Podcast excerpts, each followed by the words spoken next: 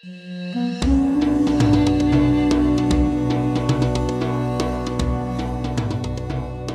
satu ibadah khusus di bulan Ramadan adalah sholat tarawih. Kira-kira dahulu bagaimana ya cara Rasulullah dan sahabatnya dalam menjalankan sholat tarawih?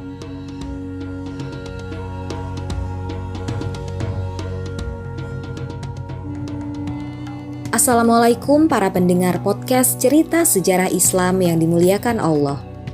Di episode ini, aku akan bercerita tentang peribadahan di bulan Ramadan. Yuk langsung aja kita mulai pembahasannya. Dalam kehidupan di dunia ini, Alhamdulillah kita memiliki Rasul yang bisa kita teladani kisah perjuangannya. Rasul jugalah yang membawa aturan dari Sang Holik hingga bisa sampai kepada kita. Rasul adalah pemimpin sekaligus role model terbaik bagi kita. Bahkan dalam Quran Surat Al-Hasyr ayat 7, Allah mengatakan, Apa yang diberikan Rasul kepadamu, maka terimalah. Dan apa yang dilarangnya bagimu, maka tinggalkanlah. Dan bertakwalah kepada Allah. Sungguh, Allah sangat keras hukumannya. Artinya, apa yang dikatakan atau dicontohkan oleh Rasul merupakan hal yang sangat layak untuk kita kerjakan. Salah satunya yang akan dibahas saat ini, yaitu gimana ya aturan peribadahan Rasulullah di bulan Ramadan? Jika kita tinjau dari waktu pelaksanaannya, terdapat ibadah yang pelaksanaannya hanya pada waktu tertentu saja, dan ada ibadah yang dapat dilakukan sepanjang hari.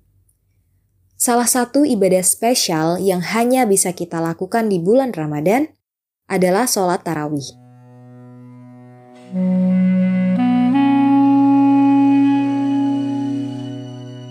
Sebenarnya sholat tarawih ini adalah sholat kiamu Ramadan. Sholat ini hukumnya sunnah. Jika tidak dikerjakan, tidak akan menimbulkan dosa. Tapi kalau dikerjakan, kita akan mendapat banyak sekali kebaikan. Intinya, sholat tarawih ini sayang banget kalau nggak dikerjakan. Oh iya, istilah tarawih sendiri tidak pernah sekalipun ditemukan dalam hadis. Selama ini yang disebutkan oleh hadis adalah istilah qiyam. Rasulullah bersabda, Barang siapa melakukan kiamu Ramadan karena iman dan mencari pahala, maka dosa-dosanya yang telah lalu akan diampuni. Lalu, kok bisa ya selama ini kita lebih sering menyebutnya dengan sholat tarawih? Tarawih sendiri dari segi bahasa memiliki makna hal-hal yang dapat menghadirkan ketenangan dan kelapangan hati. Jadi, Tarawih adalah sifat dari sholat Qiyamu Ramadan, bukan nama yang sesungguhnya. Nah, karena kita udah biasa nyebut sholat Qiyamu Ramadan sebagai sholat tarawih, di sini kita pakai penyebutan sholat tarawih aja ya. Selama ini ada perbedaan jumlah sholat tarawih yang kita kerjakan. Ada yang 11 rokaat, ada yang 23 rokaat. Jadi yang benar yang mana ya? Yuk kita ulik. Seperti jumlah sholat sunnah malam pada umumnya, sebenarnya nggak ada aturan pasti mengenai batasan jumlah sholat tarawih. Tapi saat ini, jumlah sholat tarawih kita mengikuti apa yang pernah dilakukan oleh Nabi Muhammad SAW dan Umar bin Khattab.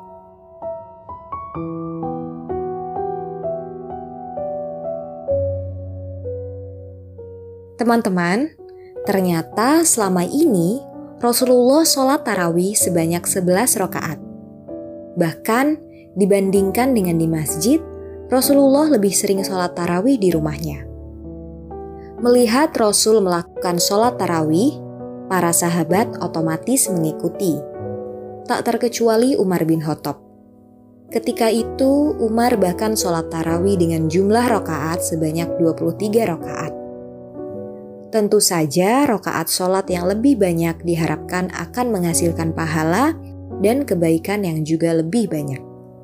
dan apa yang dilakukan oleh Umar dan para sahabat disetujui oleh Rasul.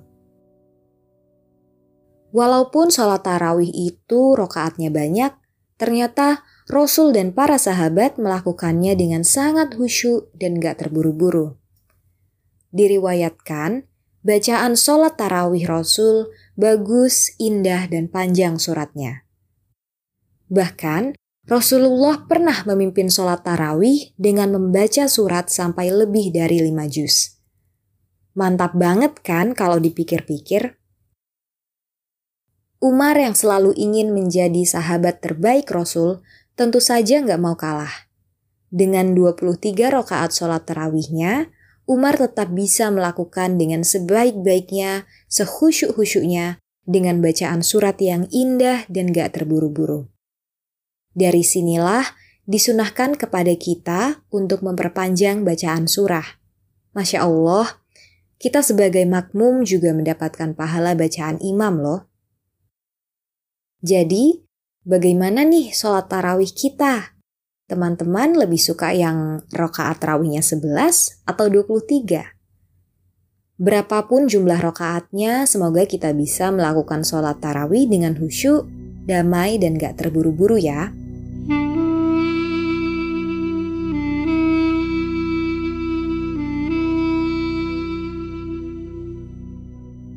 Selain sholat tarawih, ada ibadah-ibadah khusus lain yang hanya bisa dilakukan di bulan Ramadan, seperti memburu Lailatul Qadar di 10 malam terakhir.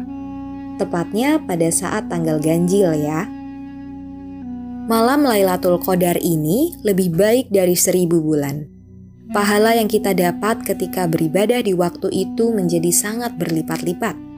Bahkan, Bukhari pernah meriwayatkan bahwa Rasulullah pernah berujar, Barang siapa melaksanakan sholat pada Lailatul Qadar karena iman dan mengharap pahala dari Allah, maka dosa-dosanya yang telah lalu akan diampuni. Sehingga akan lebih baik jika di malam hari kita memperbanyak amalan sholat, beristighfar, dan berinteraksi dengan Al-Quran. Saking penting dan krusialnya malam Lailatul Qadar ini, dulu Rasul dan para sahabat bahkan sampai melakukan iktikaf. Kita disebut sedang beriktikaf jika kita berdiam diri di masjid dan melakukan kegiatan berpahala, seperti tadarus Al-Quran, zikir, hingga sholat malam. Oh iya, teman-teman, sebelum bulan Ramadan usai dan hari raya datang, ada amalan lain yang wajib kita tunaikan, yaitu zakat fitrah. Ada beberapa tujuan kenapa zakat fitrah ini penting untuk kita lakukan. Pertama, zakat fitrah adalah pencuci bagi orang yang berpuasa dari hal-hal yang menodai puasa. Kedua, zakat fitrah akan membantu orang-orang yang kekurangan agar bisa ikut bergembira saat hari raya. Maka, ada baiknya agar kita nggak mepet-mepet lebaran saat melakukan zakat fitrah ini, agar zakatnya bisa lebih cepat tersampaikan pada orang yang membutuhkan.